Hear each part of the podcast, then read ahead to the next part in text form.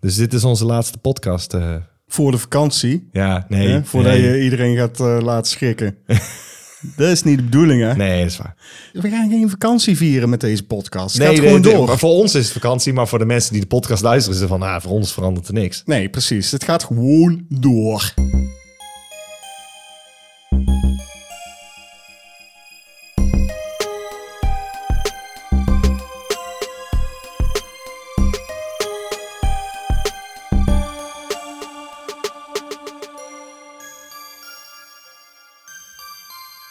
Dit is de, de elfde aflevering van het derde seizoen van Cinepraatjes. De podcast van Cinemaatjes. Goed, maar om Cinemaatjes. maar- ja, om maar met de deur in huis te vallen inderdaad.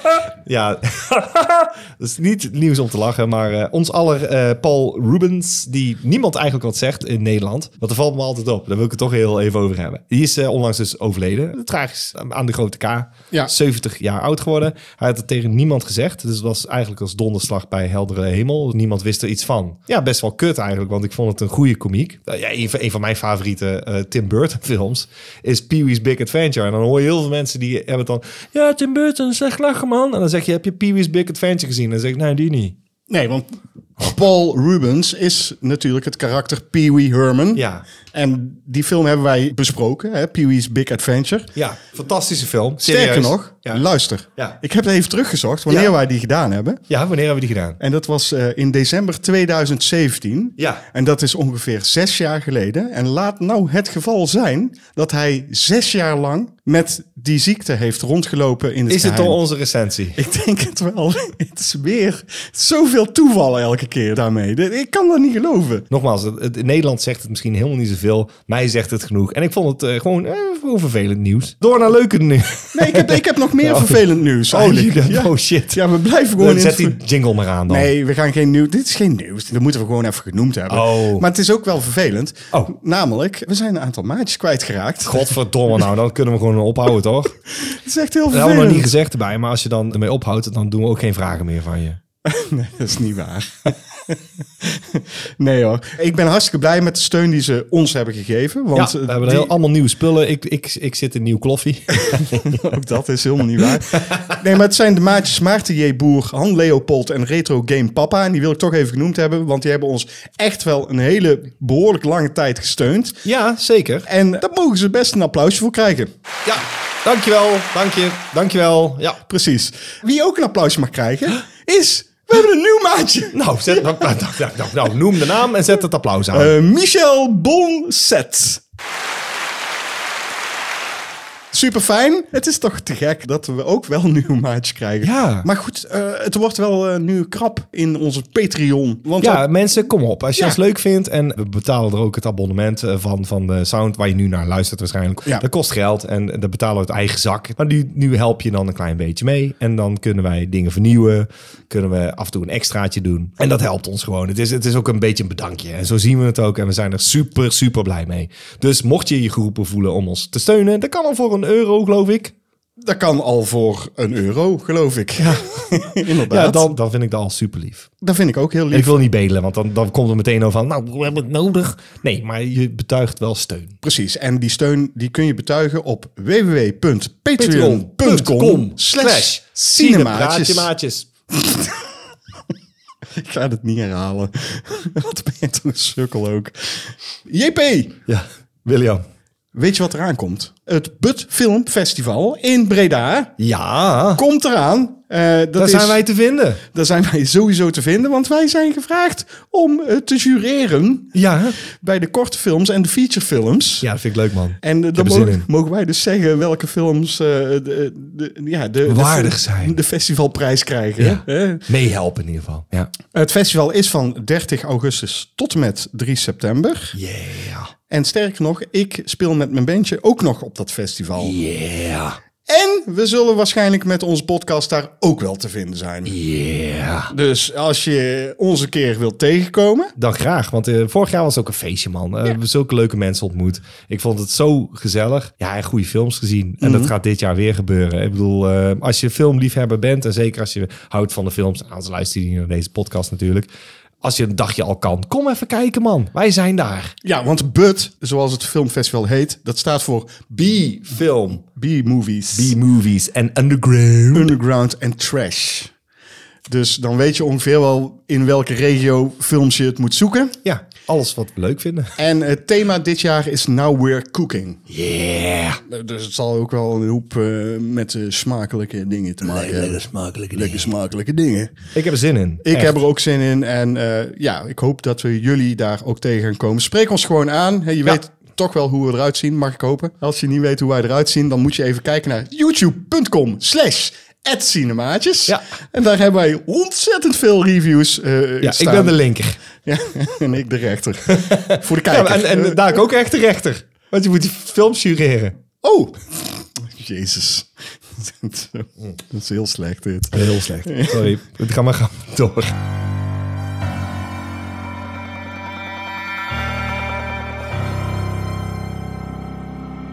Wat heb je nou in godsnaam weer gezien?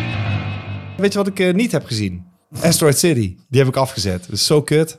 Daar, dat wou ik even gezegd hebben. Oh, vond je het echt zo kut, ja? Ja, het is alsof Wes Anderson een parodie maakt van zichzelf. Ik heb het een half uur geprobeerd. Maar we hebben wel iets gezien wat we niet af konden zetten. Want dan, z- dan zit je in de bioscoop. Dus Ja. last- kun je weglopen. Sterker nog, we zijn samen Ja. naar de bioscoop Ja, ja, geweest. ja, ja, ja. En we hadden hier natuurlijk een heel special aan kunnen wijden. Hadden we kunnen doen. Zo Dus- werken wij niet. Nee, zo- wij, wij eh, hebben geen, eh, geen logisch besef. Had je kunnen doen. Ja. En waarom hebben we dan niet een cinematische aflevering? Dat hadden we ook kunnen doen. Ja, wij allemaal, allemaal Oh, moeilijke ja, joh. specials zitten te bedenken altijd. Maar goed, eh, in dit geval zijn we naar Oppenheimer geweest, Jean-Paul Arends. Daar wil ik even eerst iets over zeggen voordat we de synopsis eh, uitleggen. Want ik wil graag eh, zeggen dat eh, hè, eh, ik ben Christopher Nolan niet meer gaan volgen na The Dark Knight Rises eigenlijk. Heb je Tenet niet gezien? Ik heb Tenet niet gezien. Ik Ja, die hoef je niet te zien hoor. Dunkerk heb ik niet gezien. Interstellar heb ik niet gezien. The Dark Knight Rises vond ik ook gewoon de mindere van de trilogie.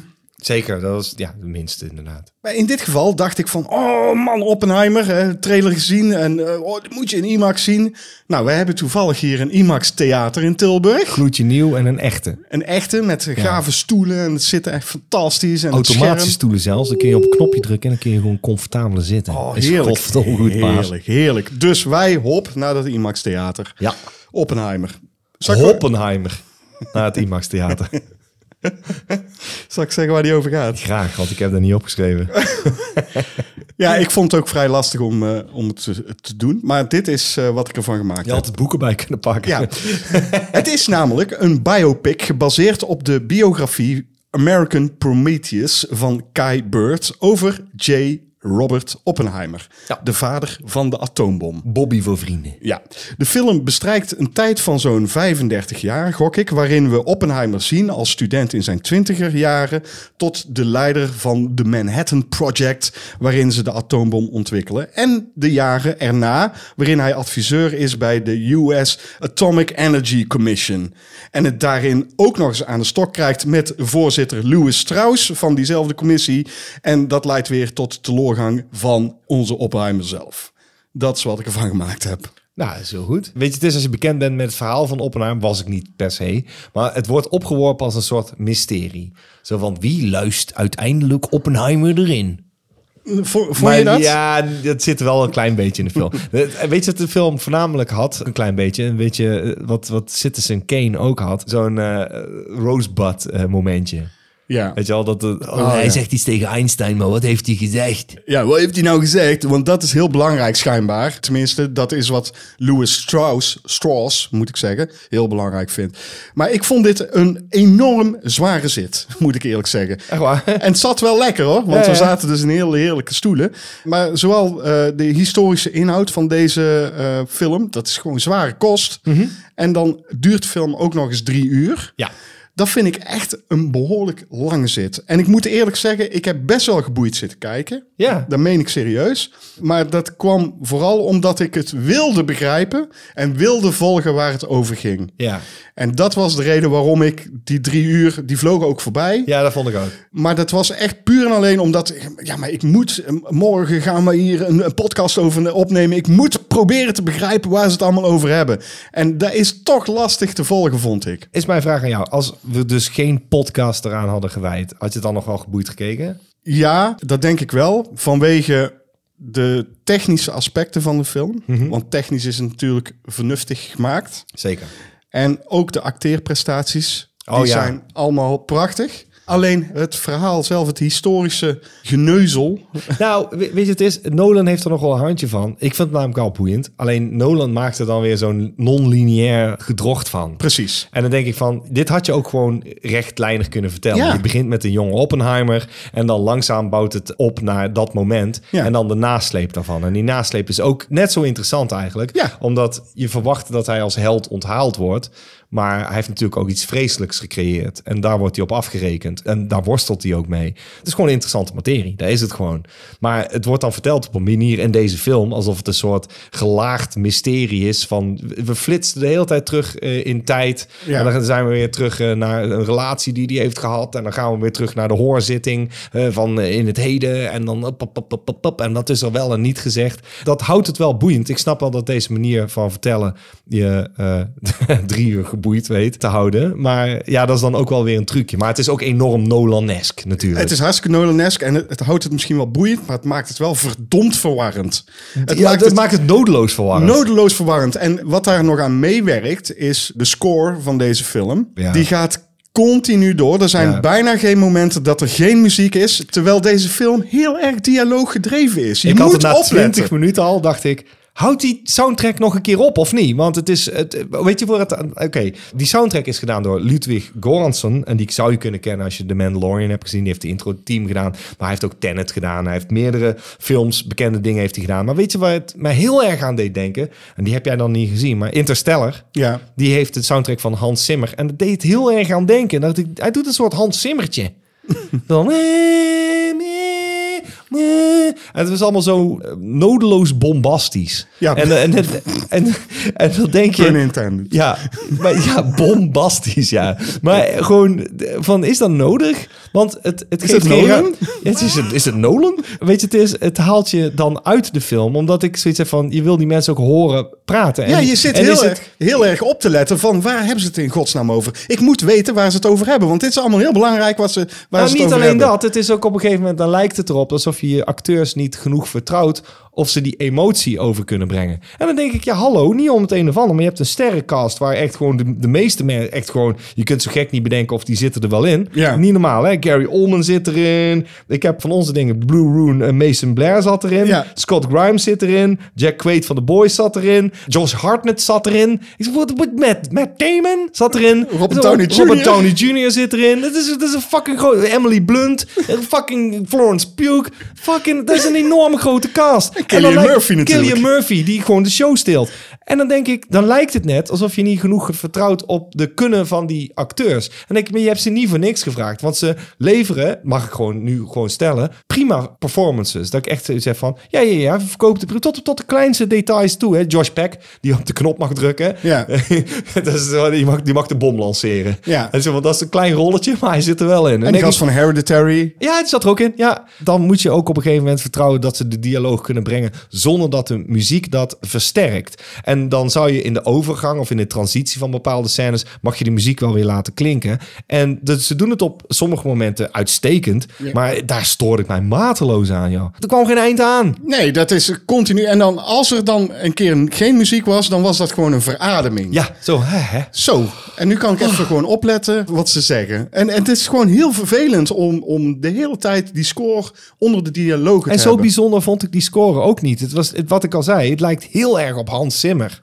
Ja, ik vond het niet, geen verkeerde score, maar op een gegeven moment dwaalde ik ook af. En dan zat ik gewoon naar de muziek te luisteren, terwijl ik wel die dialogen moest proberen te volgen. En dan, dan hoorde ik wel van, oh ja, ik vind het wel interessante score. Maar moet het onder een dialoog? Nee.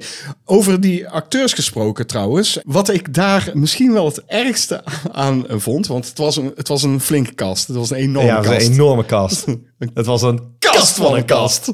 Eh, maar, eh, Een bomvolle kast. Een bomvolle kast, inderdaad. Bijna elke scène waarin er dus weer een, een nieuwe bekende acteur tevoorschijn zou komen, dat bracht Nolan, en dat irriteerde me echt mateloos, als een soort cliffhangertje. Ja. Van, Ja. Eh. oh, daar komt iemand. oh, nu komt er. Oh, wie, is- wie zou dit zijn? Wie zou dit zijn? En dan zie je hem zo van achter en dan draait ineens die camera eromheen. Oh, het is... eh, Josh Hartnett. Het is eh, be- die, die Affleck eh, Oh, het is niet de broertje. broer van Casey Affleck, ja. Goeie rol trouwens, ook weer goede Ja, maar rol. eh, daar zaten zoveel van die korte rolletjes in... dat ik dacht van, waarom moet dat zo'n bekende kop zijn? En Je Waar- hoort bijna in je achterhoofd zo'n applaus. Zo'n publiek. Hey! Ja, maar inderdaad. Ja. Maar dat, dat was het echt. Zo bracht hij bijna elke acteur die een beetje naam heeft, of actrice, in deze film, in de film. Die kleine rolletjes waarvan je denkt van, ja, is dat nou per se nodig om zo'n bekende acteur daarvoor te vragen? Nou, Of- ik vond afleidend Josh Hartnett. Ook al speelde hij goed, die is gewoon te good looking voor die rol. Hij speelt een soort leraar, ik denk, dat geloof ik niet. Nee, dat geloofde ik ook niet. Dat is zo, en hij speelt niet verkeerd als het erger, maar ik denk, Josh Hartnett is geen leraar of professor op een school. Nee. Dus dan, dan komt Mr. Handsome aan. Dan denk ik, godverdomme, die, dat haar ook. Er wordt gewoon echt wel heel goed geacteerd. Zeker. Eh, eh, zeker Killian Murphy en Emily Ja. Blunt vond ik heel goed. Oh, heeft een hele sterke scène tegen het einde. Ja, vond ik precies. echt fantastisch. Maar Ja. goed, de allerbeste acteerprestatie vond ik met Damon. Echt serieus. Ja. Ik vond het zo fijn elke keer als hij in beeld kwam. Dacht ik, zo, dit is gewoon echt fucking natuurlijk hoe hij het brengt. Ja. Ik vond overigens Robert Downey Jr. echt heel fucking overacten. Iedereen vond het een hele goede rol. Ik vond het oké, maar het is niet alsof hij iets anders deed. Het Ik is vond- altijd Robert Downey Jr. Ik vond hem overacten. Hij had van die maniertjes ook in zijn in zijn dan is het, gewoon Iron, gelaatstrekken. het is gewoon Iron Man dan. Ja, wat ik heel erg eh, storend vond is... Deze film wordt dan eh, gemarket als eh, een IMAX-film. Je moet hem in de IMAX zien. Ja. En dan, dan ga je zit- afvragen waarom. Ik, ik vroeg me echt af, waarom zit ik in een IMAX-theater te kijken naar talking heads, bij wijze van spreken? Ja. Het is continu pratende mensen, pratende mensen. En dan denk ik, ja, dat hoef ik toch niet in IMAX te zien. In IMAX wil ik gewoon spectaculaire beelden zien. Dan wil je inderdaad over een cliff heen getrokken worden. En je wil gewoon, weet je wel, je wil gewoon stunts. Je wil iets spectaculairs zien. En dit had het niet nodig. Als je dan, ja, dan, dan heb je het over, ja, maar de fotografie. En dan zie je de rimpels en de poriën. Ja, die heb ik inderdaad wel gezien. Maar dan zie ik in een normaal bioscoopscherm. Kan je zie ik met, dat ook. als je met een iPhone filmt, kun je dat ook eh, ja, voor elkaar Je ziet krijgen. gewoon, zie je al als je de trailer bekijkt, denk je, jezus, iedereen Ja. heeft wel eh, heel intense koppen, hé? Ja, dat klopt, dat hebben ze ook. En dan Ehm, hebben ze ook nog eens een gedeelte van de film in zwart-wit gedaan. Ook in IMAX. Hebben ze speciaal daarvoor moeten ontwikkelen, samen met Kodak. Ja, En dan denk ik ook, eh, was het nodig? Was je het kunt per gewoon se nodig? digitaliseren en zwart-wit maken, wanneer dan? Dat kan ook, maar was het per se nodig om het in zwart-wit te filmen? Ja, wel, want het zwart-wit was eh, verteld vanuit één perspectief. Ja. En eh, de kleur was eh, wat je feitelijk uit het boek kan halen. Dat, dat werd me op een gegeven moment wel duidelijk, omdat het vrijwel ja, vanaf het moment dat hij begint te vertellen, of dat het vanuit zijn perspectief komt, is het zwart-wit. En ik denk, oké, dan, Ja. dan weten we dat daar de focus dan op ligt. Dat is dan het onderscheid, dat is gewoon een trucje. Maar eh, niet, niet storend of zo. Maar ik, eh, kijk... Maar was het nodig? Nee, het was echt absoluut niet nodig. Ja. hè. Kijk, d- eh, die ontploffing, hè, Ja, die wil je in IMAX zien. Dat Ja, snap ik wel. Snap ik. Maar dat was ook eh, in- als een, als een scheet ging het voorbij. gewoon. Ja, dat was ook. Vanaf de bom en het laatste uur vond ik misschien wel het interessantste. Ik vind zo'n courtroom drama vind ik interessant. Nou, waarom hij per se in dat kamertje eh, verhoord werd, Mhm. vond ik niet boeiend genoeg om daar de hele film op te baseren. Wat Nolan dus wel gedaan heeft. Ja, ik, nee, ik wel. Sorry, ik vond dat dus wel. Ja, dat mag jij ja, vinden, ja, maar ja, ik, vond wel kijk, leuk. wat, wat ik, eh, ik kan dit vergelijken met, eh, en, en daarom is dit een succes, want het is een succes in de bioscoop. Ja, ja, ja, daar ben ik blij om. En eh, ik Want vergelijk, dat verwacht je niet. nee, maar dat verwacht je niet. Maar Nee. goed, ik vergelijk het dan met Titanic. Want Ja. iedereen weet gewoon, oké, die Titanic gaat zinken. Ik Ja. ben benieuwd. Ik ben benieuwd hoe dat eruit ziet in de bioscoop. Ja. Oh, er komt een atoombom. Ik ben benieuwd hoe dat eruit gaat zien in de bioscoop. En daarom komen de mensen naar de bioscoop. En je komt er gewoon bescheten thuis als je alleen maar daarvoor zou gaan. Daar ben ik het mee eens. Maar dan vind ik wel goedkoop dan. Want, eh, want voor de filmliefhebber is er genoeg uit te halen, denk Nou, ik. luister, JP. Ik had het veel interessanter gevonden. Want op een gegeven moment hoor je dus Oppenheimer zeggen... oké, we hebben vier teams. Theoretisch, eh, bla bla bla. Had, had vier teams had Mhm. hij nodig. Daarmee gaan we die eh, atoombom ontwikkelen. Ik had het veel interessanter gevonden als ik ik die vier teams aan het werk had gezien. Had Ja. gezien hoe dat samen Daar, daar kwam. gingen ze daar rustig zegt over. En hier zit dat. En liepen ze zo Ja. door gang. Ja. En dan wijst hij gewoon, dan oh wijst ja, hij gewoon, dat eh, is- ja. daar zijn ze bezig. Oké, daar ben ik het mee eens. Maar dat is gewoon een stylistische keuze. Want Ja, maar hij dat heeft had de ik, een focus inter- ergens anders op dat had gelegd. ik een interessanter verhaal gevonden. Nou, ik vond wel goed dat Killian Murphy een persoon geportretteerd eh, heeft die gemankeerd is. Het is een rokkenjager, het is een arrogante kwal in principe, die heel erg vol is van zichzelf, maar ook onzeker. En al die facetten maken hem intrigerend. Dat ook de film Oppenheimer heet, snap ik. Dan vind ik het goed dat de focus daarop ligt. En ik snap dan dat je niet zomaar uitwijdt naar die teams. Maar ze hadden bijvoorbeeld dingen kunnen doen met straling. Daar hebben ze ook helemaal niet aangeraakt. Ik weet dat er twee mensen zijn omgekomen bij het testen van die eh, bom. Hebben ze niet aangeraakt. Dat had je kunnen doen. Ja. Ik weet ook dat er eh, gezegd werd... Ja, maar Nagasaki laat ze ook niet zien. Ja, maar daar ligt de focus niet. De focus ligt op Oppenheimer en niet op de ramp Nagasaki. En daar heeft hij niks mee te maken. Ja, hij heeft er wel iets mee te maken dat hij de bom heeft uitgevonden... maar hij heeft de bom niet laten vallen op nee. Nagasaki. Maar dat, dat vind ik ook niet zo Nee, erg. dat- Ik dus snap- dat snap ik. Nee, maar dat wil ik gezegd hebben. Want er zijn mensen die jou vervallen. Zeg ja, heb je een hele film over eh, de atoombom en dan eh, ga je niet eens naar Japan. Nee, want daar gaat de film niet over. De film gaat over die gast. Ja. Ja. en dat begrijp ik vo- ja, dat, volkomen. dat begrijp ik ook. Maar ik weet 100% zeker dat 90% van de mensen Ja. die in de zaal zaten, en het was een uitverkochte zaal, die zullen deze film niemand aanraden. En dat doe ik ook niet. Ik ga deze film niet aan iemand aanraden. Je kan hem kijken als je van historisch eh, eh, Zeker. f- feiten houdt Ja. en eh, het verhaal jou interessant lijkt. Maar je hoeft die niet per se voor naar de IMAX. dat is Nee, wat ik denk. absoluut niet. Je kan deze gewoon kijken zodra die op een streaming komt.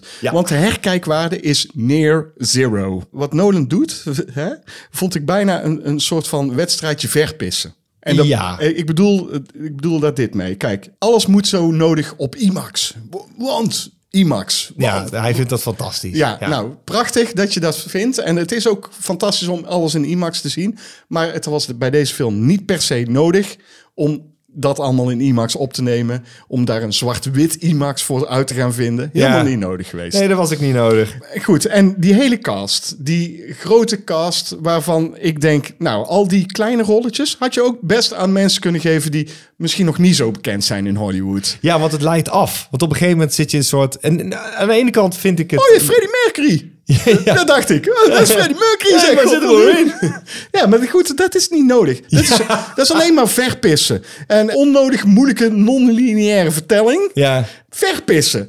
Ja, ik ben het helemaal met je eens trouwens. Dat is wel zo. Maar ik vind het best lastig. Want wat ik er wel goed aan vind, en wat ik knap vind, is dat Nolan krijgt wel mensen naar de bioscoop.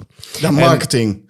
D- d- Dan is het goede marketing. Want dat we nog zo'n film krijgen is een godswonder. En de mensen moeten naar de bioscoop. Want anders worden dit soort films, of films in het verschiet, zeg maar, welk onderwerp ze dan ook mogen hebben, worden niet meer gemaakt. En dan kom je op een soort finaliteit van cinema uit. Dus dat nu hier massaal mensen naartoe gaan, daar kan ik de film en Nolan wel voor bedanken. Ook al is het niet per se misschien de film die je verwacht dat het is. Nee, maar het is best wel een saai film. Maar ik verwacht wel dat deze kei veel Oscar-nominaties gaat krijgen. Oh ja, 100%. En, Maar dan is het alleen maar voor het acteren van, eh, van Killian Murphy. Ja, sprak hij Nederlands? Nee.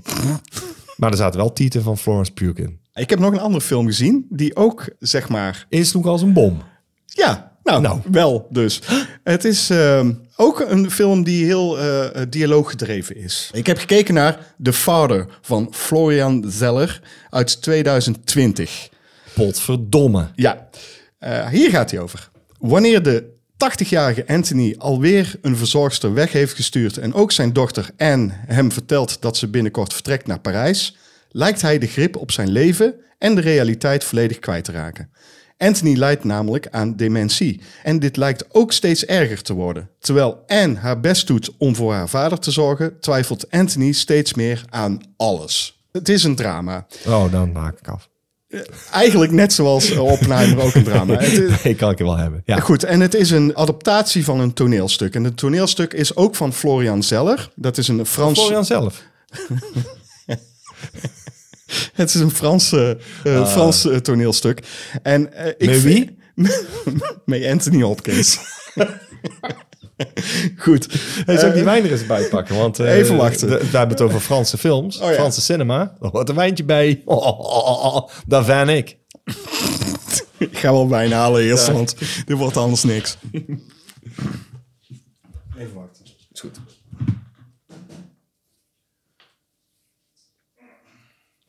Yes. Shanti. hey, om over Anthony Hopkins eh, te praten. Een- Een Shanti. Dat is wel waar. Oh god. Een Shanti hebben we gewoon eh, erbij. Een Shanti? Shanti. Een Shanti. Shanti-koor. Van Anthony Hopkins. Nou, schenk Oké. hem Hm. maar in. Dan vind je Ik altijd schenk een mooie. Hm. hem in. Ja, komt-ie.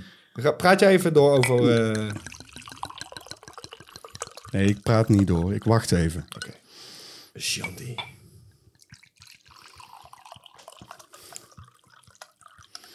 Shanti. hey, Shanti. Hoppa. Uit 2020, net zoals die film. Nou, mag zo wezen. Goed, het is dus een Drama. adaptatie van een toneelstuk. En het is een geweldige vertaling naar film, vind ik. Want het is prachtig geacteerd. De acteerprestaties zijn fantastisch. En dan heb je dus de visual storytelling. En dat is echt, echt gewoon super gaaf. Het verhaal wordt dus verteld vanuit het perspectief van Anthony. Ja. Van de dementie, zeg maar. Ja, ja, ja. Dus wat er gebeurt er? Je krijgt fragmentarisch het verhaal te vertellen. Het is ook niet per se non-lineair, zeg maar. Maar het past bij deze vertelling. Ja, het Het- past- Oké, maar dan, dan- dan wil ik nog even i- inhaken w- over wat we de vorige film zeiden. Nolan deed dat dus dan wel weer goed met Memento, want daar past het dan weer wel in. Daar past het wel. Ja, ja. ja. dus, maar goed, non-lineair past in dit geval dus ook. heel Ja. fragmentarisch. Heel verwarrend af en toe. Net als onze podcast. Ja, precies. De personages eh, verwisselen af en toe. Dan heb je gewoon Anne, hè, de dochter, die wordt eh, gespeeld door Olivia Colman. Ja. Fantastisch ook. Maar dat is ook gewoon een goede eh, actrice. Dat is sterk. Maar dan ineens eh, is iemand anders. ja, dus dan hebben ze iemand anders gekast, maar die is dan die dochter. Ja, precies. Oh, ja, ik, ik, ik hou hiervan. Ik wilde het dan voorstellen. Ik, zo- want ik zat in mijn hoofd namelijk van... zou het dan grappig zijn als je daar dan iemand anders voor cast? Want zo is dementie. Die, Ja. Dan herkent hij die persoon in één keer precies. niet meer. En, en, het- oh, wat goed. En, en de sets veranderen, de personages veranderen. En dat maakt jou als kijker ook aan het twijfelen. Van wat is nou het verhaal? Wat is nou het echte verhaal? Ja. Ik weet het niet. Omdat je dus verteld krijgt vanuit zijn perspectief. Ja, ik ben nou al om hoor, serieus. Ik, ik heb hem al heel lang op mijn lijstje staan, maar ik weet dat hij dus staat op HBO. Dus als je HBO Max hebt, Ja, dan zou ik hem zeker. Het is een must. dan, Echt. dan is het een must. Maar dan ga ik hem ook gewoon kijken. Het is een hele kleine cast. Fantastisch. Ook Mhm. Tegen- Nolan. ja. Nolan. Het Ja. kan ook gewoon zo. het kleiner. En Anthony Hopkins, die speelt dit zo ontzettend fantastisch. Dat is echt, daar kan gewoon niemand overheen. Dit is op zijn lijf geschreven, denk ik. En hij verkoopt het als een dolle gewoon. Je gelooft hem helemaal. Sterker nog, er zitten een hele hoop scènes in die gewoon je ogen doen wateren. Dus Ja, ja, ja. tranen in je ogen Ja, zitten. dat mag ook wel, want En- dat leek mij dus ook. Dus ik heb hem op mijn lijstje staan om hem te- gewoon te gaan kijken. Maar nu jij zegt dat hij gewoon, ja, eh, een beetje een tearjerker kan, kan ik hebben hoor. En zeker Anthony Hopkins vind ik een fantastische acteur overigens. Eh, dus mij heb je al overtuigd Ja. in ieder geval. Ik ga hem sowieso kijken en dan kom ik dan nog wel een keer op terug. Maar goed, eh, Olivia Colman is ook fantastisch. En Ja, ze- al die dat is andere echt- mensen, al die crewleden, die zaten ook met tranen in hun ogen tijdens sommige scènes. Omdat Anthony Hopkins het zo sterk acteert, dat je gewoon echt denkt van, oh my, ik, ik heb er gewoon zitten janken. Ik geef gewoon eerlijk toe. Ja, goed zo. Het is, Mag toch ook? Dat is heerlijk, toch? Ja, het Ja. is geen vrolijke film om te kijken. Maar ik raad hem echt ten zeerste aan. En ik weet zeker dat ik hem nog een keer ga opzetten. En die herkijkwaarde had ik niet bij eh, Christopher Nolan's eh, Oppenheimer. En het gave is, die film die duurt gewoon ongeveer anderhalf uur. Ja, en dat dan is het fucking fantastisch. Daar heb je alles in verteld gewoon. alles in verteld. Ja, en dat- je, je als je weet dat kan- precies hoe iedereen zich voelt. Ja. En iedereen verkoopt deze film echt als een dolle gewoon. Ik ben om. Ik ben om, serieus. Ik, Ja. ik wil hem heel graag zien. Nou, dan, dan hoop ik dat je hem een keer gaat kijken. En Ja, eh, dat- dan ben ik dat- benieuwd wat je ervan vindt. Ik, ik, ik lieg hier niks aan. Ik wil hem zeker zien. Heb jij nog iets gezien? Zeker. Naar aanleiding van een, een recensie die nog moet komen. Dat, dat was een film die ik leuk vond. Dat ik dacht, nou, dit jaar was er een film uitgekomen van diezelfde regisseur. En dat wist ik helemaal niet, want ik had nog niks van die gast gezien. Nee. Aangenaam verrast door de film die we hebben gekeken. Dacht ik, ja, dan moet ik die andere film ook een kans geven. En kijken of die inderdaad zo grappig is. Dat was hij. Ik heb gekeken naar Megan. Met Trigan. Methrigan, inderdaad. Oké, nou, eh, wanneer de ouders van de achtjarige Katie omkomen eh, bij een auto-ongeluk, wordt Gemma, die een drukke baan als ontwerper bij een speelgoedfabrikant heeft, ineens voogd. Gemma is net bezig met een geheim project en merkt dat ze eigenlijk helemaal geen tijd heeft om voor Katie te zorgen. Ze besluit twee vliegen in één klap te slaan door het prototype robotmeisje waaraan ze werkt te koppelen aan haar nichtje. De zelflerende robot blijkt een eigen willetje te hebben en groeit al snel uit tot een moordlustige machine in haar opdracht om Katie te beschermen. Met Regan. Met Trigan. Met Trigan. Het is AI. AI. Het is AI'tje. Maar het doet ook heel erg sterk denken aan de remake van Child's Play van een aantal jaar geleden. Vier jaar geleden. Ja. En het is eigenlijk een nakomertje. Is die daardoor slechter? Nee. Ik denk dat ze beide iets anders doen. Maar eh, het is gewoon heel vervelend voor deze film dat Child's Play het heeft weggekaapt. Er zitten gewoon dezelfde elementen in en daardoor is het niet een heel unieke film geworden. En dat dacht ik al toen de film uitkwam, toen ik de trailer zag. Maar wat wel werkt is, gek genoeg, Mithrigan zelf. Verschrikkelijk goed gedaan.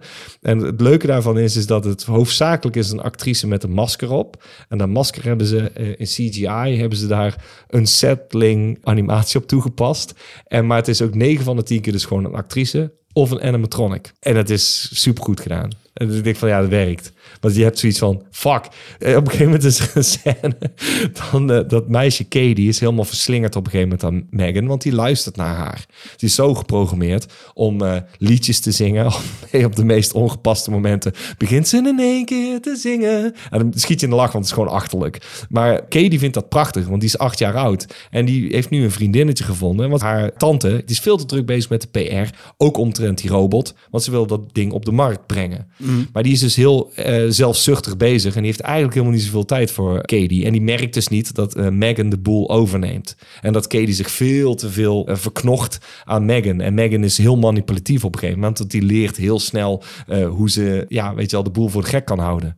En liegt en bedriegt. Oké, maar Johnston, hè, zo heet die eh, regisseur volgens Ja. mij. eh, Jared of zo? Ja, Jared Zoiets. Johnston. Eh, En wij hebben daar dus een film van gedaan. En we wisten niet wie hij was. En toen zagen we dat hij dus Megan had gedaan. En toen waren we dus geïnteresseerd in de komische toon. Is daar eh, bewust voor gekozen. En, Ja, en, en absoluut. daarom niet... het is v- bijna geen voor de- horrorfilm. Voor de een R-rating, zeg maar. Want het is geen R-rated film, hè? Het is geen R-rated film en daar viel ik toen over omdat ik dacht van, oh, het is een horrorfilm. Het is voornamelijk een comedy. ja. Het is voornamelijk een comedy met een thriller-horror randje. Maar je kun je 12 jaar inderdaad. Het- het- Het is hetzelfde als met Child's Play. Want dit Child's Play is natuurlijk ook gewoon... eh, Is het zo eng? Nee. Is het een pop? Is dat doodeng? Nee. Maar het is wel grappig. Dat klopt. Dat wisten ze ook toen ze Child's Play maakten. ja. Dus wat dat betreft niks nieuws onder de zon. Maar wel een situatie waar je alles uit kan halen. En Child's Play in principe is dat ook. Maar die heeft dan nog een bovennatuurlijk tintje. De oude, zeg maar.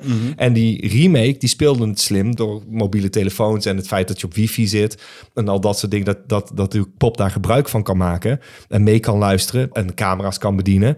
Dat is clever. Want dat maakt het eh, een soort paranoïde-achtig tintje geeft het. Van die, die pop die is dus de hele tijd alert. En dat is gaaf. De- Ze zetten hem ook een paar keer uit, maar dan zet die pop zichzelf weer aan. Dat is goed, goed Net zoals gedaan. Charles Play. Ja, ik werd er toch wel blij van, want de pop werkt 100%. Ik, ik had zoiets van, ik snap dat mensen hiermee wegliepen en, en dat, het, dat het een succesje was. En dat mensen verkleed gingen als Megan met eh, Halloween. Van, ja, dat snap ik, want het is, die pop stilt wel de show. De- het is een hele goede film. Ja, eh, eh, voor mij is het een aanrader, eh, maar verwacht geen doodenge film. Verwacht gewoon een PG-13. En daar moet je gewoon rekening mee houden, want dit is een film die je echt al met iemand van 12, 13 jaar kan kijken. En dan is het een instaphorror. En Ja. dat is prima. Nogmaals, het is niks nieuws onder de zon. We hebben het allemaal vaker gezien. Maar het, het was eh, ja, toch wel amusant genoeg. Deze zelfs op sommige momenten denken aan een Black Mirror aflevering. Oké. Jij bent wel benieuwd ook naar een franchise van Megan. Als het zo leuk gebracht is als deze film... en hij, hij vloog echt voorbij... dan heb ik geen problemen met een tweede deel. Ik bedoel, Child's Play kan ik ook allemaal goed hebben.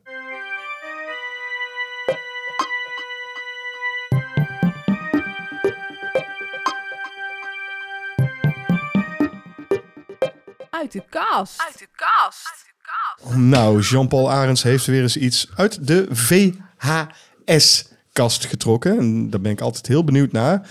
Daar komt hij, daar komt hij. En het is...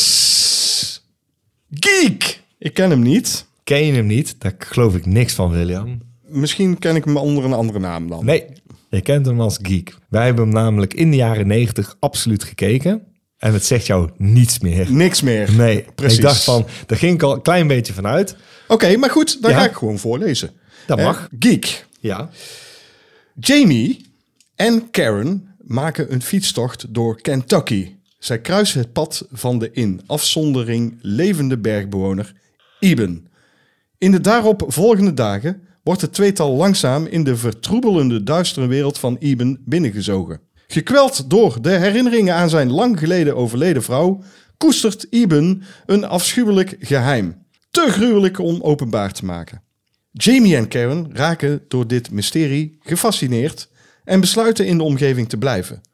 Wandelend door de ondringbare bossen van Kentucky bemerken ze dat ze worden gevolgd. O jee. Terug bij de boerderij van Eben staan zij verbijsterend oog in oog met hun achtervolger. Nou. Het smerige, afschuwelijke wezen, volslagen krankzinnig, blijkt Ebens zoon William te zijn. Dat klopt. Een onlesbare dorst naar dierlijk bloed is de reden voor zijn gruwelijke bijnaam. William? klopt. William? Ja, dat is, is bijna. bijna. Nee, nou, nou daar, daar, daar wil ik iets Oh, over uit. oh, Nee, oh, hop, hop, hop, hop, hop, hop, hop, hop, hop, hop, hop. Nog Ja, één maar ik zin. wilde- ja, precies. Ga door, want het is irritant, die fucking intro. Go. Tegen de achtergronden van de spookachtige moerassen van Kentucky Mhm. neemt een onmenselijk drama zijn aanvang. Onmenselijk drama. Bullshit. Dit is een horrorfilm. Het is een, dit is, het is een horror- Eh, weet- Oké, geek. Weet je waar daarvoor staat, William? Want ik vind het altijd heel kut als mensen zeggen... Oh, je bent echt een geek. Geek is eh, bijna een soort nerd, eh, Nee. meestal toch? Nee, een geek is iemand die de hoofden van kippen afbijt. Dat is een geek. En ik weet ook niet waarom het ooit eh, dat nerd en geek het, hetzelfde is. Ik weet niet, ik heb daar niet zoveel mee. Ik vind geek altijd heel lastig, omdat het dus dat is. Het, het is gewoon, ja, ik zeg al, dierlijk bloed zit er allemaal in. De titel klopt, want dat is wat het is. Eh, hij is iemand die eh, dat doet. Ik heb hier een eh, stick in mijn handen. Die hij in de jaren negentig nog eh, DJ-aspiraties eh, eh, had en nog steeds hebt. Heb ik eh, ooit dingen gesampled eh, van deze film. En een van die dingen moet je even luisteren. Oké, nou dan gaan we dat even luisteren als jij dat vindt. Ja, tuurlijk. Oh, daar gaat hij. What's William? He ain't a man. He ain't a boy. He don't even pass for a critter. Die heb ik ooit een keer voor jou gesampled om te gebruiken in, in een setfilm. Maar ik herken dit. Het is niet zo'n hele goede film trouwens. Nee, Maar dat lijkt me ook Oh. de niet. voorkant is wel gaaf. Leg De- eens uit wat er op de voorkant staat. Op de voorkant staat een eenzame bergbewoner koestert een afschuwelijk geheim. Oh, Op, op de voorkant staat een eenzaam bergbewoner. Koestert een afschuwelijk geheim. Oh, Dat is- de tekst. Ja. Geek! Ja, geek. Hele mooie letters. Van die Mooie, lekkere oh. rode, rode letters met zijn zwarte schaduw eronder. En dan heb je een soort leatherface. Ja, een soort van. Een soort van leatherface met een, eh, een tuinbroek aan, volgens Ja, mij. En hij Zoals, heeft eh, eh, dat hebben ze allemaal. een, een, een, eh, een klief, eh, een klief eh, dingetje in zijn handen. Mietkleaver. Een miet- Een kliefmieter. een kliefmieter. Die heeft hij in zijn handen met bloed erop. Schitterend. En hij heeft een bebloede bakkers ook, want Oh, ja, hij eet dus eh, eet elke klaarblijkelijk keer eh, kippen. kippenhoofden. Eh, ja. Die bijt hij af. Dat is het. Ik kan me niet herinneren dat ik dit gezien heb. En als ik het wel gezien heb, JP, dan is het me echt totaal. eh, Ik weet er nog een die ontschoten. jij gezien eh, hebt. En die hebben wij gezien. En daar weet je ook niks meer van te herinneren. Want sterk nog, toen ik hem keek, dacht ik... Ik kan me ook helemaal niks meer van herinneren van deze film. Eh, Bloody Pompoms. Ja, de titel zegt me Ja, wel ja, iets, ja, maar- ja, ja, ja. Nee, die nee. gaan we ook nog een keer doen, hoor, met cinemaatjes. Want we zouden alle slashers doen. Is dit een slasher geek? Ik denk, ja... Hij ik- mm, ziet er wel uit als een ja, slasher. Ja, ja, ja, precies. Ik weet niet of... het- hmm, dat is moeilijk. Zou het? Kan het? Ik ga het Want- opzoeken. ja, dat is goed. Want dan... want- Nou ja... Oké, wacht. Ik ga, ik ga even kijken of geek. Hij is echt. is- Het is gewoon bijna niet te vinden. Oh, hier is dit geek? Nee, wacht. Hè? Ik probeer, ik probeer hem te zoeken op IMDb. Het is niet te doen. wacht even. Seek Geek. Het is echt heel moeilijk te vinden op IMDb, zeg. Ongelooflijk. Wacht even. Ik weet zeker, hij moet er toch op staan. man. Hij moet erop staan. Ik ga zoeken. Ik zoek heel Sorry. even op... eh, de, eh, wie is de IMDb. regisseur? De regisseur. Oh ja. Dean Crow.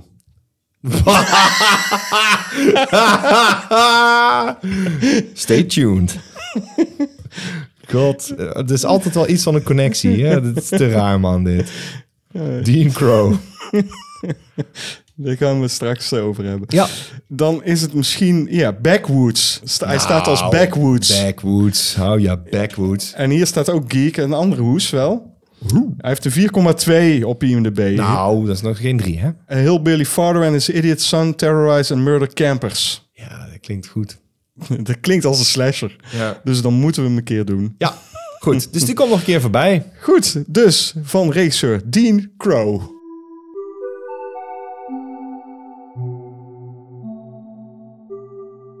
Cinematisch Special. In deze special gaan we weer eens terugblikken op een film van wel eer. Zoals we al vaker gedaan hebben. En eerlijk gezegd heb ik eh, even teruggekeken. En het blijkt dat we best wel vaak terugblikken op films uit de jaren 90. Dat is een bijzondere tijd. Dat doen we eigenlijk om te kijken of die nog overeind blijven staan. Vind ik een heel mooie insteek, weet je dat? Ja. Ja. nou, dat vind ik ook. De films die we eerder al hebben gedaan in deze podcast Ja. zijn Seven uit 1995, Ja, The Sixth Sense uit 99, ja, American Beauty ja. uit 99, En Natural Born Killers National Killers, ja. uit 94 en Jurassic Park uit 93. Nou, ik vind het allemaal fantastisch. Eh, de jaren 90 is natuurlijk door de opkomst van CGI, die tegenwoordig nogal gedateerd is hè, uit die tijd. eh, Ja. Een- een decennium waarvan de films uh, nuder tijd. Hè, dat is Ja, een, nu dat is nieuw wordt. Dat, dat is een woord wat ik wil eh, toevoegen aan de dikke vandalen. Nu der tijd vallen ze dus soms door de mand. De film die we nu gaan bespreken is de film The Crow Zeker. uit 1994. En jij wil heel graag zeggen waar die over gaat. Hm. Ja. Een stel criminelen vermoordt iemand en deze persoon staat op uit de dood en behept met nieuwe krachten, waardoor hij vrijwel onverwoestbaar is. Terwijl hij langzaam zijn geheugen terugkrijgt, komt hij stukje bij beetje achter welke criminelen zijn leven hebben verwoest en besluit wraak te nemen door ze één voor één te grazen te nemen. Oh, wacht, is de synopsis van Robocop. Eric Draven, what's in the name, en zijn vriendinnetje Shelly worden op Devil's Night, een nacht waarbij gespuis de stad in vuur en vlam zet en tevens de vooravond van hun huwelijk, op brute wijze vermoord door een viertal bendeleden. Een jaar later echter tikt een kraai op het graf van Eric, die hierop uit de dood herrijst, met nieuwe gaven waarmee hij de bendeleden die zijn liefdesgeluk in de kiem hebben gesmoord, te laten boeten. Door ze één voor één naar de hel te sturen. Maar Top Dollar, het hoofd van die bende, is niet van plan om zich af te laten schrikken door een zogenaamde engel der wraken. De Crow. The Crow. Het is gewoon eigenlijk best wel simpel wraakplotje. Ja, nogal. Een heel simpel Echt wraakplotje. heel simpel. Ja. Eh, ik ging er heel sceptisch in, E JP. Ik ging er ook sceptisch in. We gaan het, goeie, positief, het zure met het, het, het, het, het zoete doen, denk ik. Nou, het eerste wat mij opviel meteen God, wat een lelijke intro, schreef ik hier. Ja, nou, het was natuurlijk heel erg gedateerd. Ja, een, een miniatuurtje, geloof ik. Wat Ja. ik niet erg vind. Maar Met het- CGI-brand. Ja, dat klopt. Dat is goed dat je dat zegt. Dat was ik eigenlijk vergeten. Eh, maar da- daarom heb ik opgeschreven. Ik heb het gewoon samengevat. Maar god, wat een lelijke intro. Ja, dat, dat valt enorm op. Want de rest, trouwens, dat mag ik dan toch nog wel alvast een veer in de reet steken. Is Mhm. die CGI nog wel te doen? Ik vond het geen mooie intro. Het is van, ah, man, nee, en oké. daar komt dan een voice-over overheen. Ja, daar ben waar ik ook waar geen we fan- dus ook... eh, geen fan van. Nee, Nee. daar zijn we ook geen fan van. Dus ik was meteen op mijn hoede. Ja, Ik ook. Ik, mijn teentjes eh, waren al gekruld. precies. Ja. Maar ik was zo aan het kijken en ik, het, wat mij opviel was... Zo, dat is godverdomme een goede sfeer die hier wordt neergezet. Zeker. De belichting Ja. ziet er fantastisch uit. En ondanks hè, dat jij dat miniatuurtje niet gaaf vond, misschien, ik vond het wel gaaf. Die overhead shots over dat miniatuurtje, dacht ik. Ja, Het, het, het groeide bij mij. In- Ja. In het begin dacht ik, ach. En daarna, toen ik het vaker zag, dacht ik, ja, het creëert meteen een soort sfeertje van een stad die niet bestaat. Maar, Ja. En het maakt het meteen comic bookie. En dat is precies wat de film ook probeert te doen. Dus toen had ik al minder problemen ermee. Maar ik, ik heb het gewoon opgeschreven. Ik zat nu ook met pen en papier.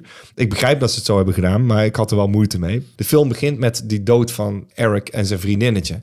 En dan gaandeweg als de film vordert, wordt dat ingevuld. En ik weet niet of ik de film zo had begonnen. Ik denk dat ik Eric wel had willen leren kennen. En eh, ik weet niet, ik had zoiets van, ja, maar misschien had ik wel iets meer gevoel bij hem willen hebben. Al was het maar één scène. En nu wordt dat in flashback dan verteld. ja. oké. Ik had daar niet per se moeite mee, omdat ik vond dat doordat ze het zo hebben gedaan, de Ja. film een enorme vaart had. Want Ja. binnen een kwartier Binnen een kwartier. sta je oog in oog met de Crow zelf. Dat klopt. Die meteen wraak neemt. Ja. Op de eerste crimineel die die te pakken krijgt. Je bent een kwartier in de film. Ja, dat is waar. En dan is het gewoon gelijk raak gewoon.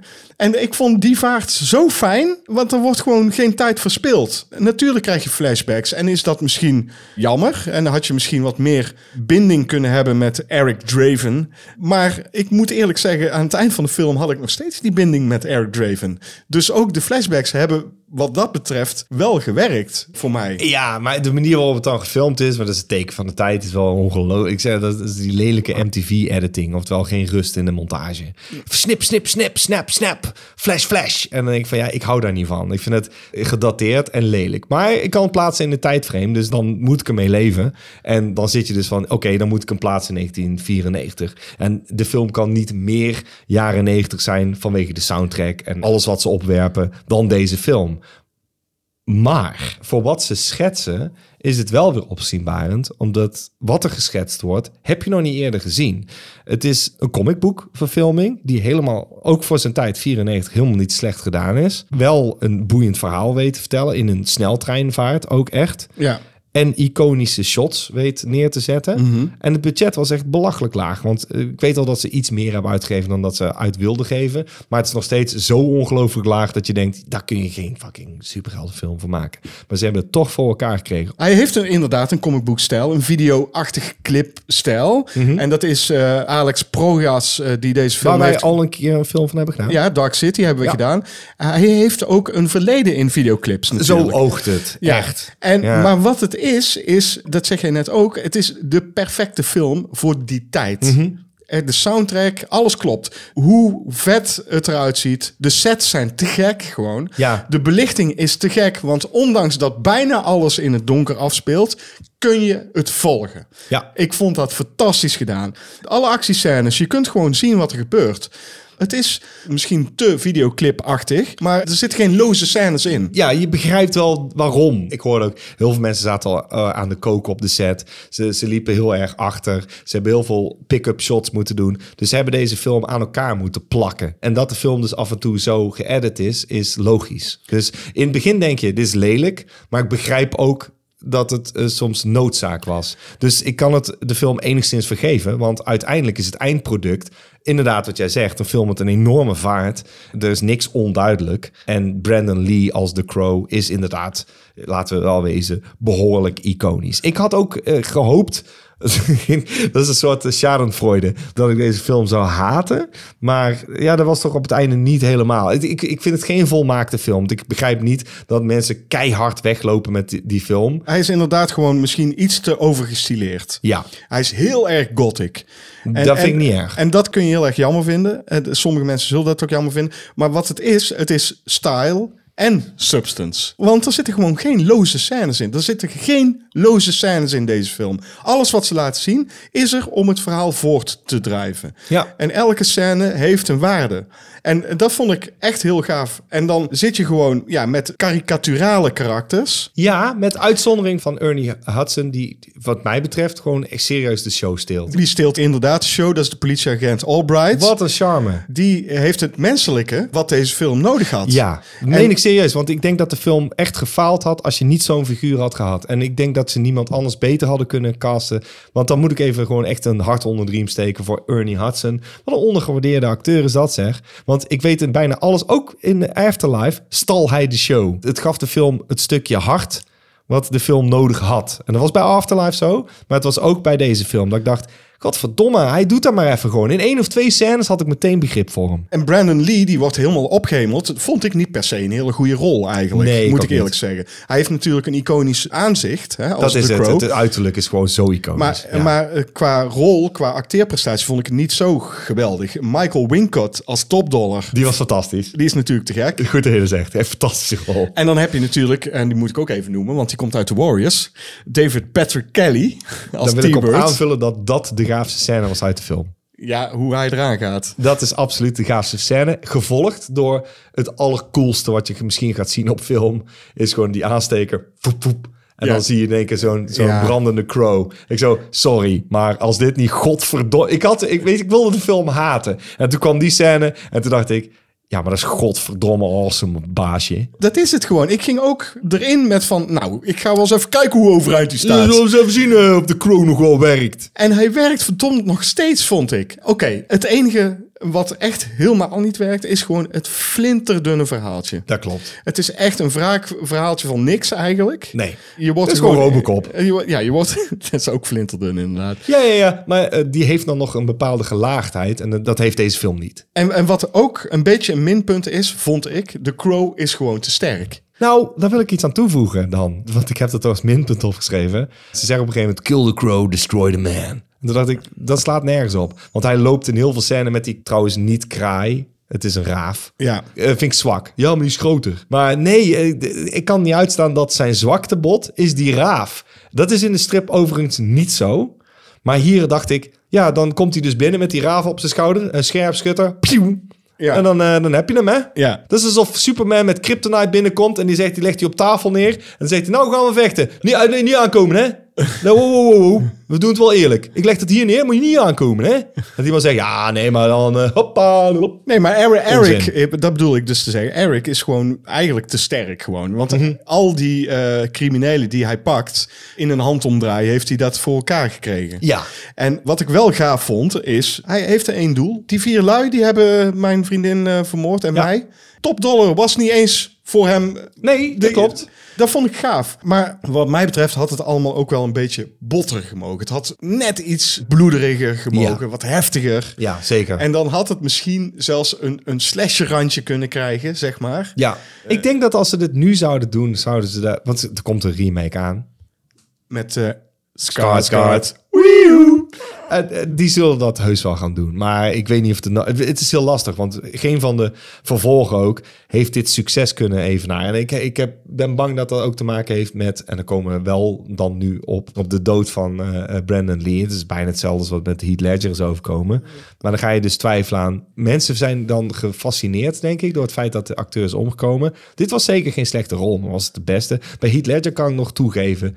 Dat was wel, oké, dat is een way to go out. Want dat is wel echt een fantastische rol. Hij heeft Oké. niet voor niks postuum een Oscar gekregen. Ja, maar is moeten dat we- bij Ba- Brandon Lee ook zo, vraag ik mij dan af. Daar vraag ik me ook af. Misschien had hij het wel beter nog gedaan. Hij was niet de beste acteur in deze film. Nee, Dat- vond ik zeker niet. Nee, hij was helemaal niet zo goed, vond ik. Hij was, hij Die zette- lachscène, man. Daar moest ik gewoon zelf om lachen. Hij zette wel een iconisch personage neer. Dat, Mhm. dat heeft hij goed gedaan. Maar ik vond niet per se. Oh, nou, hier gaan we nog Ja. veel van horen. Dat, Ja. Nee, dat dacht ik niet. Maar we moeten het wel hebben over het feit dat hij dus op de set is overleden. Mhm. Met een pistool, eh, een De prop. acteur die Funboy speelt, Ja. heeft een per ongeluk... en die heeft een heel leven lang daar last van gehad. hè? Nog steeds, ja. ja. Hij is dood inmiddels. Dus Daarom- hij heeft daar geen last van. Hij heeft daar nog steeds last van, Ja. geloof mij. In de hel. Maar goed, een propgeweer. eh, Ja. Waar dus eh, klaarblijkelijk zat er nog in de loop zat nog een kogel vast. Ja. En met losse vlodder schieten ze dan normaal gesproken. En Ja. die losse vlodder heeft de kogel uit de loop eh, gelijk dodelijk. Dus Ja. Het is wel heel tragisch natuurlijk. Dat het dan op zo'n jong... wa- Was hij 28 of zo? ja, dat zou kunnen. Net zoals zijn vader. Ook veel te Ja. vroeg overleden. Ja. Dat is heel tragisch. Maar nee, als ik kijk naar de acteerprestatie in deze film... denk ik niet dat Brandon Lee... die zou nu B-films doen. Die zou misschien nu CSI eh, New Miami. York of Ja, zo... ja, ja, zou die ja. dan Oh, in en, zitten. dan, en dan speelt iemand de moordenaar. Ja, precies. Oh, daar heb je meer. Zoiets. Ik geloof niet dat hij groter zou zijn geweest dan bijvoorbeeld een Heath Ledger... die wel bewezen heeft dat hij goed kan acteren. Maar over Heath Ledger gesproken. Ik denk wel dat Heath Ledger heeft gekeken 100 procent naar hoe de Crow eruit heeft gezien. Ja, maar Want- ook Nolan. Want de, hoe hij binnenkomt, die scène met die criminelen... dat is gewoon dezelfde scène als in eh, Dark Knight. Over films gesproken die geïnspireerd zijn geraakt door deze film, The Crow. En later las ik dus over de comic dat die meer die kant op ging. Dacht ik van, dit is een soort upgrade. Ja, hoor, dat is goed, goed vergelijk. Wauw. Als je de comic eh, leest, hè, dan is er dus een, een auto-ongeluk. Of er, hè, er gebeurt iets met een auto in de Mhm, ja. Crow. Hij wordt eh, neergeschoten, waardoor hij verlamd m- moet toekijken hoe zijn vriendin wordt aangevallen. Ja. En dat is helemaal upgrade. Ja, het is dus niets nieuws onder de zon. Maar wel voor hoe ze het gepresenteerd hebben. Dat maakt het dan wel weer... Ja, eh, toch wel weer bijzonder. Heb jij niet ook nog films waarvan je denkt van, nou, die hebben wel echt iets afgekeken bij de Crow? Want de Crow is uit 94. Ja, eh, Blade. Voor, voor de stijl en, en, en eh, zeker eh, de, de look. eh, daar zitten zeker elementen in van The Crow. ook de Batman-films van Nolan, die hebben ook hiernaar gekeken, wat jij net al zei. Zeker. Maar ook V for Vendetta Zeker. heeft hiernaar gekeken. Oh, absoluut. Hij heeft wel best wel wat dingen geïnspireerd en heeft wat dingen in werking gezet. Ook om comic-verfilmingen op de kaart te krijgen. afvallen letteren, zeg maar. Want het is natuurlijk een van de eerste. De eerste kun je gewoon toedichten aan voor de jaren 90, de Batman, 89. En toen kwam er heel de tijd niks. Ja. En ik wil de Mask niet noemen, omdat dat vind ik geen goede comicboekverfilming. Ik vind het geen slechte film of zo. Maar het is geen goede comicboekverfilming. Want als je de comic kent, wijkt het te veel af. The Crow had het bij het juiste end. Als je de strip kent, vind je, ja, ja, ja, daar zitten al die elementen wel in. En ik weet zeker dat ze, ook de schrijvers, het bij het juiste end hadden toen ze het gingen maken. Dat is bijzonder. Het duurde heel lang voordat ze dat konden nadoen. De Blade was de eerste die een klein beetje in de buurt kwam. Heel veel films daarna zijn zeker schatplichtig aan The Crow. En zonder The Crow hadden we waarschijnlijk nooit kunnen genieten van superheldenfilms nu. Omdat The Crow gewoon bewees dat als je het goed aanpakt, en zeker op een laag budget. Want het is- 23 miljoen dollar. 23 miljoen dollar. Dat is goed dat je dat zegt. Ja. Ja, eh, de, de film heeft zoveel dingen die werken. Coole poses, die toffe reveal van, van hem. En daar moet ik iets aan toevoegen. Dat is waarschijnlijk een andere acteur geweest. Ja, die, klopt. Die, en dan hebben ze het gezicht van hem erop geplakt. En, en dan komen we dus bij de CGI. Je kunt vallen over het feit dat sommige dingen er een beetje ja, knullig uitzien. Maar je moet ook bedenken, dit is de allereerste keer dat ze op een laag budget toch hebben gezegd... we kunnen die film niet afmaken, want die acteur is dood. Dus ze hebben het geprobeerd met rubbermaskers, geloof ik. En die zagen er te creepy uit. Dus hebben ze gekozen om eh, van bestaande scènes het hoofd eraf te, te- te knippen. Dat hebben ze nooit gedaan, want de, de techniek was gewoon, bestond niet. Nee. Dus ze moesten in één keer eh, dingen gaan verzinnen voor deze film. Ook technieken gaan verzinnen om het digitaal op te lossen. Ik vind dat ze dat goed hebben gedaan. Want als je het niet zou weten, zou je er niet opvallen. Nee, je weet dat tuurlijk er niet. scènes zijn gebruikt voor een bodydouble. Alleen omdat je het weet. Als ze hadden gezegd, nee, we hebben alles gefilmd.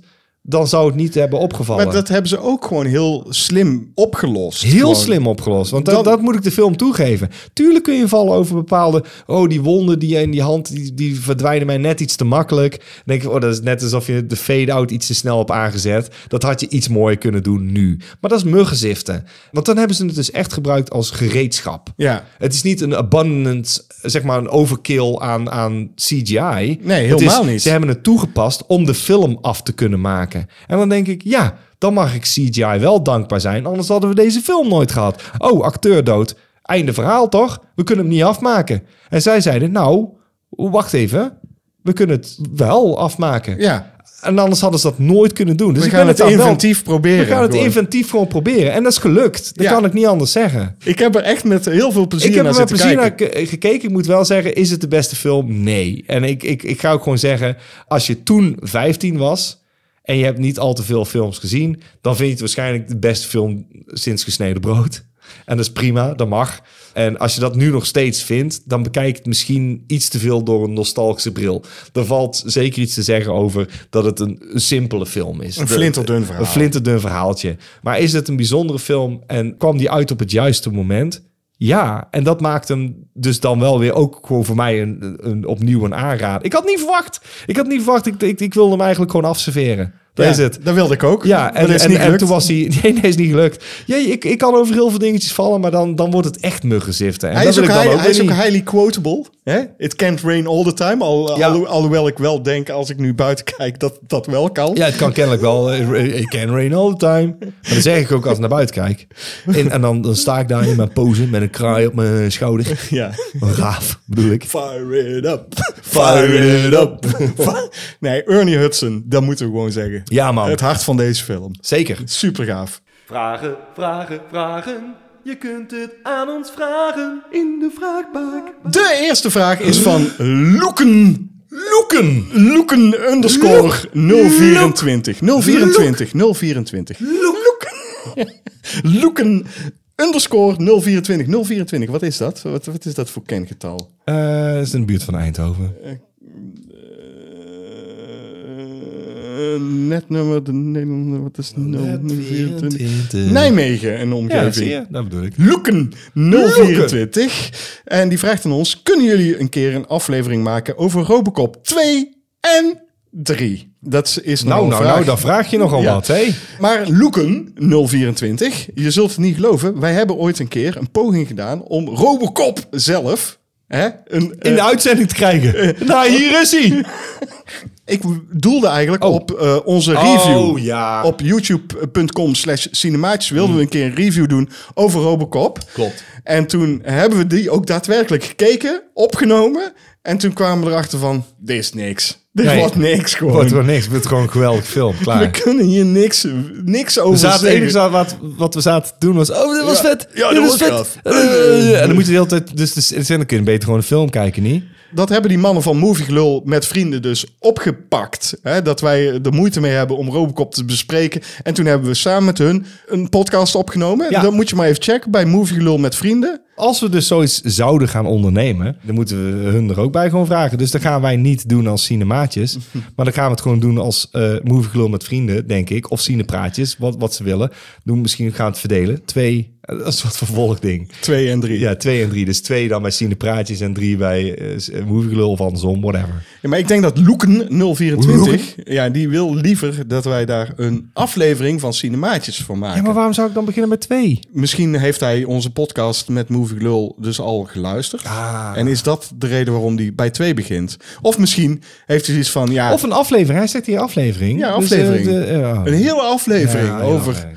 Heel de podcast. over Robocop. Ja, Robocop 2. In Robocop 2 en 3 heb ik gewoon alle twee niet gekeken. Hebben jullie niet gezien? Nee. Maar Twee had je minstens wel kunnen kijken. Ja, maar waarom, dacht ik. Oh my god. Ja, ja, dan hè? moeten we die wel een keer doen. Serieus. Nou, dan Drie gaan we- kun- kunnen we overslaan. Daar ben- ga ik kort over zijn. Dat vind ik de moeite niet. Maar twee, eventueel. Gewoon om het verschil te zien. Oké. Kort gezegd, g- vind ik niet- geen slechte film, maar het haalt ze niet bij de eerste film. Maar het is wel een film die je zou kunnen doen om, om te vergelijken. Oké, dus, Dat is interessant om Dus, te eh, doen. Movie Glow, mijn vrienden, even eh, aan de mouw trekken. dus Robocop 2 gaan we loeken. Loeken.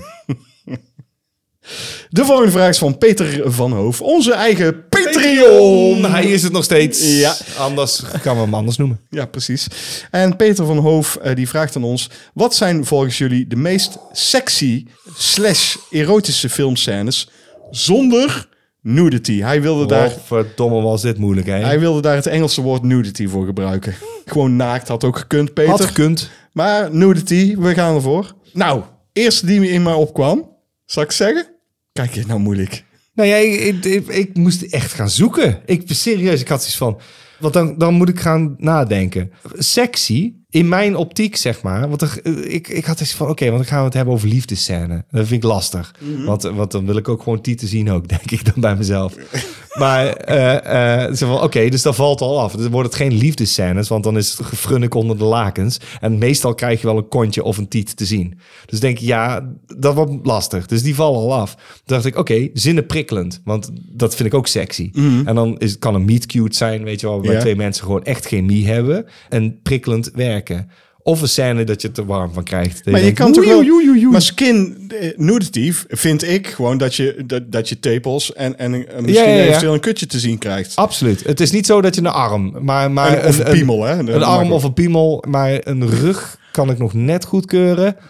Rug kan ik nog net Ik, goedkeuren. ik vind lingerie vind ik ook geen nudity. Is geen nudity. Nee. Mag. Dus, Dat is een goeie. nou, en dan heb ik meteen, dacht ik daaraan. Ik ben heel benieuwd wat je hebt. want Ik, ik moest heel lang over en nadenken. dat was de, man. de scène waarin Jamie Lee Curtis in True Lies voor haar eigen man een, een soort van striptease moest doen, maar dus niet naakt gaat. Gaat ze niet naakt? Nee, Oh, weet je het er zeker? 100%. Heb je het opgezocht? Nee, ik weet het 100% zeker. Ik heb die scène honderdduizend keer gekeken. Gek. Oh, oh oké. Jezus.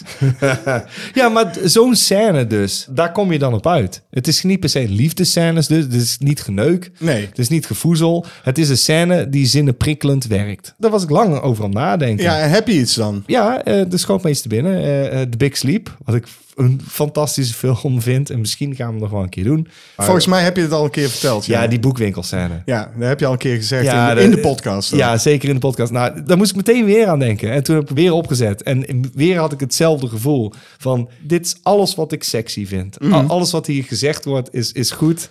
Je weet precies wat ze gaan doen. Het wekt de suggestie van, ja, I get it. Ik weet, wordt- er wordt Ja, rampedampen. nou, je- Er er wordt wordt rampedampen. rampedampen. Maar het mooiste, dat zeggen ze niet. Er worden alleen maar innuendo's eh, Ja, gebruikt. ja, ja. Oké, dan heb ik er nog een andere. En dat is de scène uit Her. Met eh Joaquin Phoenix. En Scarlett Johansson natuurlijk eh, alleen de stem. Zeker. En dan eh, praten ze. En dan hebben ze dus een intiem moment waarin hij dus in bed ligt. En zegt van, oh, ik zou je zo graag aan willen raken. Oh, maar waar wil je me dan aanraken? En Hoe wil je me aanraken? In mijn main eh, frame. Precies, maar dat is wel echt sexy. Hij is aan het praten met een, met, met een, eh, een AI, zeg maar. En op een gegeven moment gaat het beeld ook helemaal zwart en dan hoor je wel nog hun conversatie. En dan hoor je... Dat is dus niet zo. Echt, verneuk je het ook helemaal Ja. weer. En met kutlul ben je ook. Goed, volgende vraag. Nou, van wie is die dan? Die is van Retro Game Papa, die geen Patreon meer is. Nee.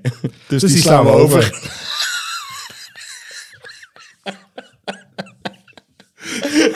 Heel ding uitgeschreven hier. Heel script. Nee, maar, eh, het, is, het is wel een vraag die hij al heel lang geleden gesteld had. Oh. Dus toen was hij nog wel Patreon. Ja, dat is het gewoon. Toen dacht hij, als hij die vraag niet gaat doen, hè, dan, als- dan moet hij nou weer dit worden. Ja, dan moet hij nou weer Patreon ja, worden. vind ik wel, Peter. Rion. Nee, retro Andere- game. Maar hij is ook Peter. Goed, hij vraagt aan ons. John Carpenter's Robocop 4. Hoe zou deze film gaan qua plot, actiescènes, et cetera, en kwalitatief zijn? Accetra. ja, dat staat er. Ik vond dat echt een moeilijke vraag. Want dan gaat hij vragen aan ons of wij even een, een plot of een Ja, synopsis eruit willen Dat, gooien. dat, dat vraag je veel, zeg. Zo, hey, kun je even een, eh, een, eh, een film schrijven? ja. Heb jij iets? Ik heb iets. Wil je Eh, Sowieso. eerst of wil je tweets? Nee, Want we ik kunnen heb om de beurt. natuurlijk- De Nee, Eh, titel is absoluut natuurlijk John Carpenter's Robocop 4. Precies, dat had ik ook. Zo werkt John Carpenter. Ja, absoluut. En hij zal hem niet 4 noemen, denk ik. Ik denk dat hij 2 en 3 Robo- buiten beschouwing nee, laat. precies, het is John Carpenter's Robocop. Robocop, precies. Ja, en absoluut. het is een direct vervolg op deel 1, denk ik. Want ik denk dat hij 2 en 3 buiten beschouwing La- laat. laat het buiten beschouwing. Het begint natuurlijk met een zinscore gemaakt door John Carpenter. Precies, John Carpenter zelf maakt de score. Ja, 100%. geen niet dit, dit, dit, dit, dit. Nee, forget it. Dit wordt een...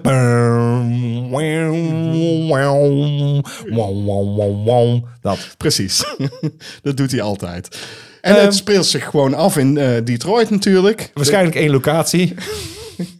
Waarschijnlijk gewoon het politiebureau en nog een paar plaatsen daarbuiten. That's it. Maar hoofdzakelijk politiebureau. Dat denk ik niet. Dus hierin gaan we verschillen. Vertel maar eens wat jij verzonnen hebt. Ik heb niks verzonnen. Ik heb gewoon gezegd dat hij waarschijnlijk heel erg de focus gaat leggen op de atmosfeer. Het begint onheilspellend. Ja, dat is John Eh, Carpenter. Dat is John Carpenter. Het is altijd een widescreen en waarschijnlijk zit er ook een steadicam in. Precies, John Carpenter. Het is een slow burner Sowieso John Carpenter. en het is waarschijnlijk anti-establishment en anti-overheid. Ja, dat zal. Dat eh, zijn alle dingen die, dat- ik, eh, die ik eh, kan eh, ja, geven. vind, ik- vind ik mooi dat je dat hebt verzonnen. Ik heb, ik heb daadwerkelijk geprobeerd om een soort van synopsis eh, te maken. Luister, we zijn zo'n 40 jaar verder. Ja. OCP heeft het Robocop-project eh, verder geperfectionaliseerd en geïntegreerd met de Ad 209, waar ze ook mee bezig waren natuurlijk. Zodat er geen gesneuvelde agenten meer voor nodig zijn. Want dat is natuurlijk onmenselijk. Hè? Ja. Er is inderdaad een stad gebouwd op het oude Detroit. En het oude Detroit, dus wat eronder ligt, is inmiddels een eh, immense gevangenis geworden. Criminaliteit in heel Amerika wordt direct de kiem ingesmoord door deze nieuwe robots. En die heten Robats. Robocop, Rob, Ja. Ads. Rob Ads. Eh, Murphy, hè, dus eh, onze Robocop uit het eh, originele deel, is het oude model. En die eh, staat als eh, curiositeit ge- tentoongesteld in het hoofdkantoor van de politie. OCP heerst het hele land. En een man van rond de 50 hackt op een gegeven moment het hoofdcomputersysteem. En weet zo alle nieuwe Robocops, dus de Robats, te besturen. Hij werkte eerst voor eh, OCP, dus dat is de vraag. Hij heeft een wraakactie. Ja, ja, precies. Eh, eh, Murphy werkt gelukkig nog op het oude systeem. En is de enige hoop nog op de redding. Vind ik een hele goeie. Oké, daar zit natuurlijk een gave grote uitbraak van de gevangenis in. Uiteraard. Er zitten gave gevechten in tussen de Robats en Murphy natuurlijk. Maar wat er ook in zit, en luister JP, want dit is de twist die ik erin heb gemaakt. Oh. Er zit een showdown in tussen het brein, dus de hacker, en Murphy. Waaruit blijkt dat wanneer Murphy zijn signature pistool move doet, dat dat hackerbreintje de zoon van Murphy is. Dat is heel fucking goed. Dat is, dat is oké, geniaal. Dan heb je het eigenlijk al weggegeven. Ja, maar maakt ja, niet dat uit. is gewoon goed. Moet nog gemaakt worden. Het moet nog gemaakt worden, dat klopt. Nou, geef ons geld. Nee, John Carpenter moet zijn geld geven. Ja, maar geef ons geld, geef ik aan John Carpenter en zeggen... hey, we hebben een idee. Ja. We. Jij moet dat doen. Ja, moet dat doen. van Retro Game Papa. De volgende vraag is van Agent Onclocks. En die vraagt aan ons, nu de vakantieperiode aanstaande is... wat zijn jullie favoriete films over vakanties? Hebben we volgens mij ook al een keer gehad. Ja, dat denk ik ook. Ja. En het eerste wat ik denk is, telt The Evil Dead eigenlijk, JP? Ja, die, heb ik, die heb ik hier staan. Telt Ja, die? Absoluut, dat is een gave vakantie. Ja, nou, dan, dan vind ik dat eh, een van de gaafste. Eh, dan heb ik vast eh, Barb en Stargo Vista Del Mar ook wel genoemd. Ongelooflijk, ja. Eh, Forgetting Sarah Marshall. Ja. Ik moest ook denken aan Meatballs. Palm Springs vind ik ook heel gaaf. ja, die time loop film is Ja. dat. Ja. Ja. Oh, heerlijk. ja.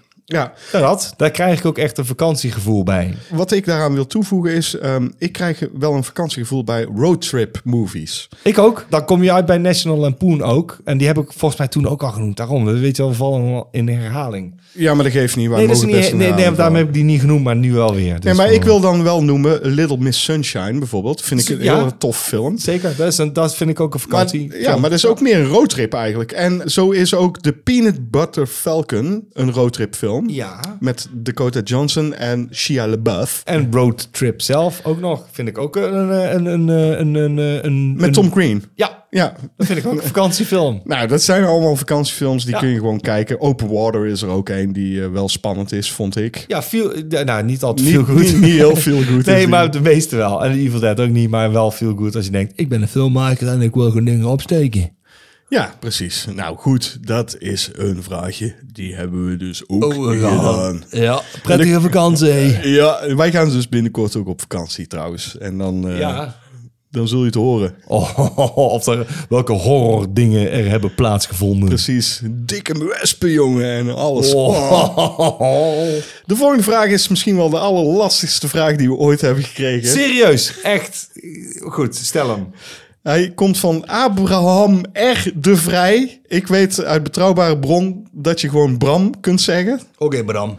Want hij heeft een podcast die heet Zeg maar Bram. Dan weet je wie het is. Dit was serieus de kutste vraag die ik in jaren heb eh, gekregen. Maar dankjewel hiervoor. En hij vraagt aan ons welk personage hoorde eigenlijk in een andere film thuis. Dat is echt een kutvraag. Ik heb daar zo lang over na zitten denken. Ik ook anderhalf uur om precies te zijn. En lijstjes zitten zoeken die er niet bestaan op internet. Nee, ze- ik ook. Ik denk, nou, de eerste is natuurlijk, we gaan even kijken. Het mooie is van lijstjes is, het brengt je op andere ideeën. Precies. Nou, Geen idee. Geen idee. Nul idee. Nee, zo, ja, maar nee. Ik zei, nee, ik wil niet Yoda in een andere fucking in een standalone film zien. Dat is fucking onzin. Of Jar Jar Binks. Flikker toch op. Ja, die had gewoon uit die film Dat gemoeten. had gewoon uit de En- film en, gemoeten. geen Het is- enkele andere Nee, maar dan film. kom je dus daaruit. Eh, Weet je wel van, oh ja, welke personages zijn misplaatst. Ik zei, alles kun je vinden, maar niet welke zou in een andere film moeten zitten. Nee, En, en- toen kreeg ik een ingeving. Nee, maar voor, voordat jouw ingeving komt... Die ga ik wil ook niet, nog niet noemen. Nee, ik kon me nergens meer op focussen. Ik zat steeds met die vraag in mijn hoofd. Ik zat bijvoorbeeld tv te kijken en ik denk... oh man, ik moet die vraag nog beantwoorden. Fuck. Dus urenlang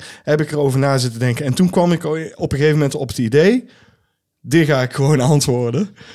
Ik zou graag het personage Matthijs van Weert uit Woensdag... Ja. heel graag in een andere film willen zien. Jezus Christus. ik ook. Want hij verdient hij gewoon. Hij verdient een betere film dan Woensdag. Dat is grappig, daar heb ik ook opgeschreven. Nee, dat is... oh, Nee, dat was ik een heb grapje. echt heel lang na zitten denken. Ik heb ook wel nog een echt antwoord. Maar zeg jij maar als eerst. Nou, dit is niet wat het is hoor, maar ik dacht wel van... Oké, in Sam Raimi's Spider-Man 3... Die valt in het niet omdat er een personage te veel in zat. En dat ik Venom. Dus die hadden ze beter voor het volgende deel kunnen bewaren.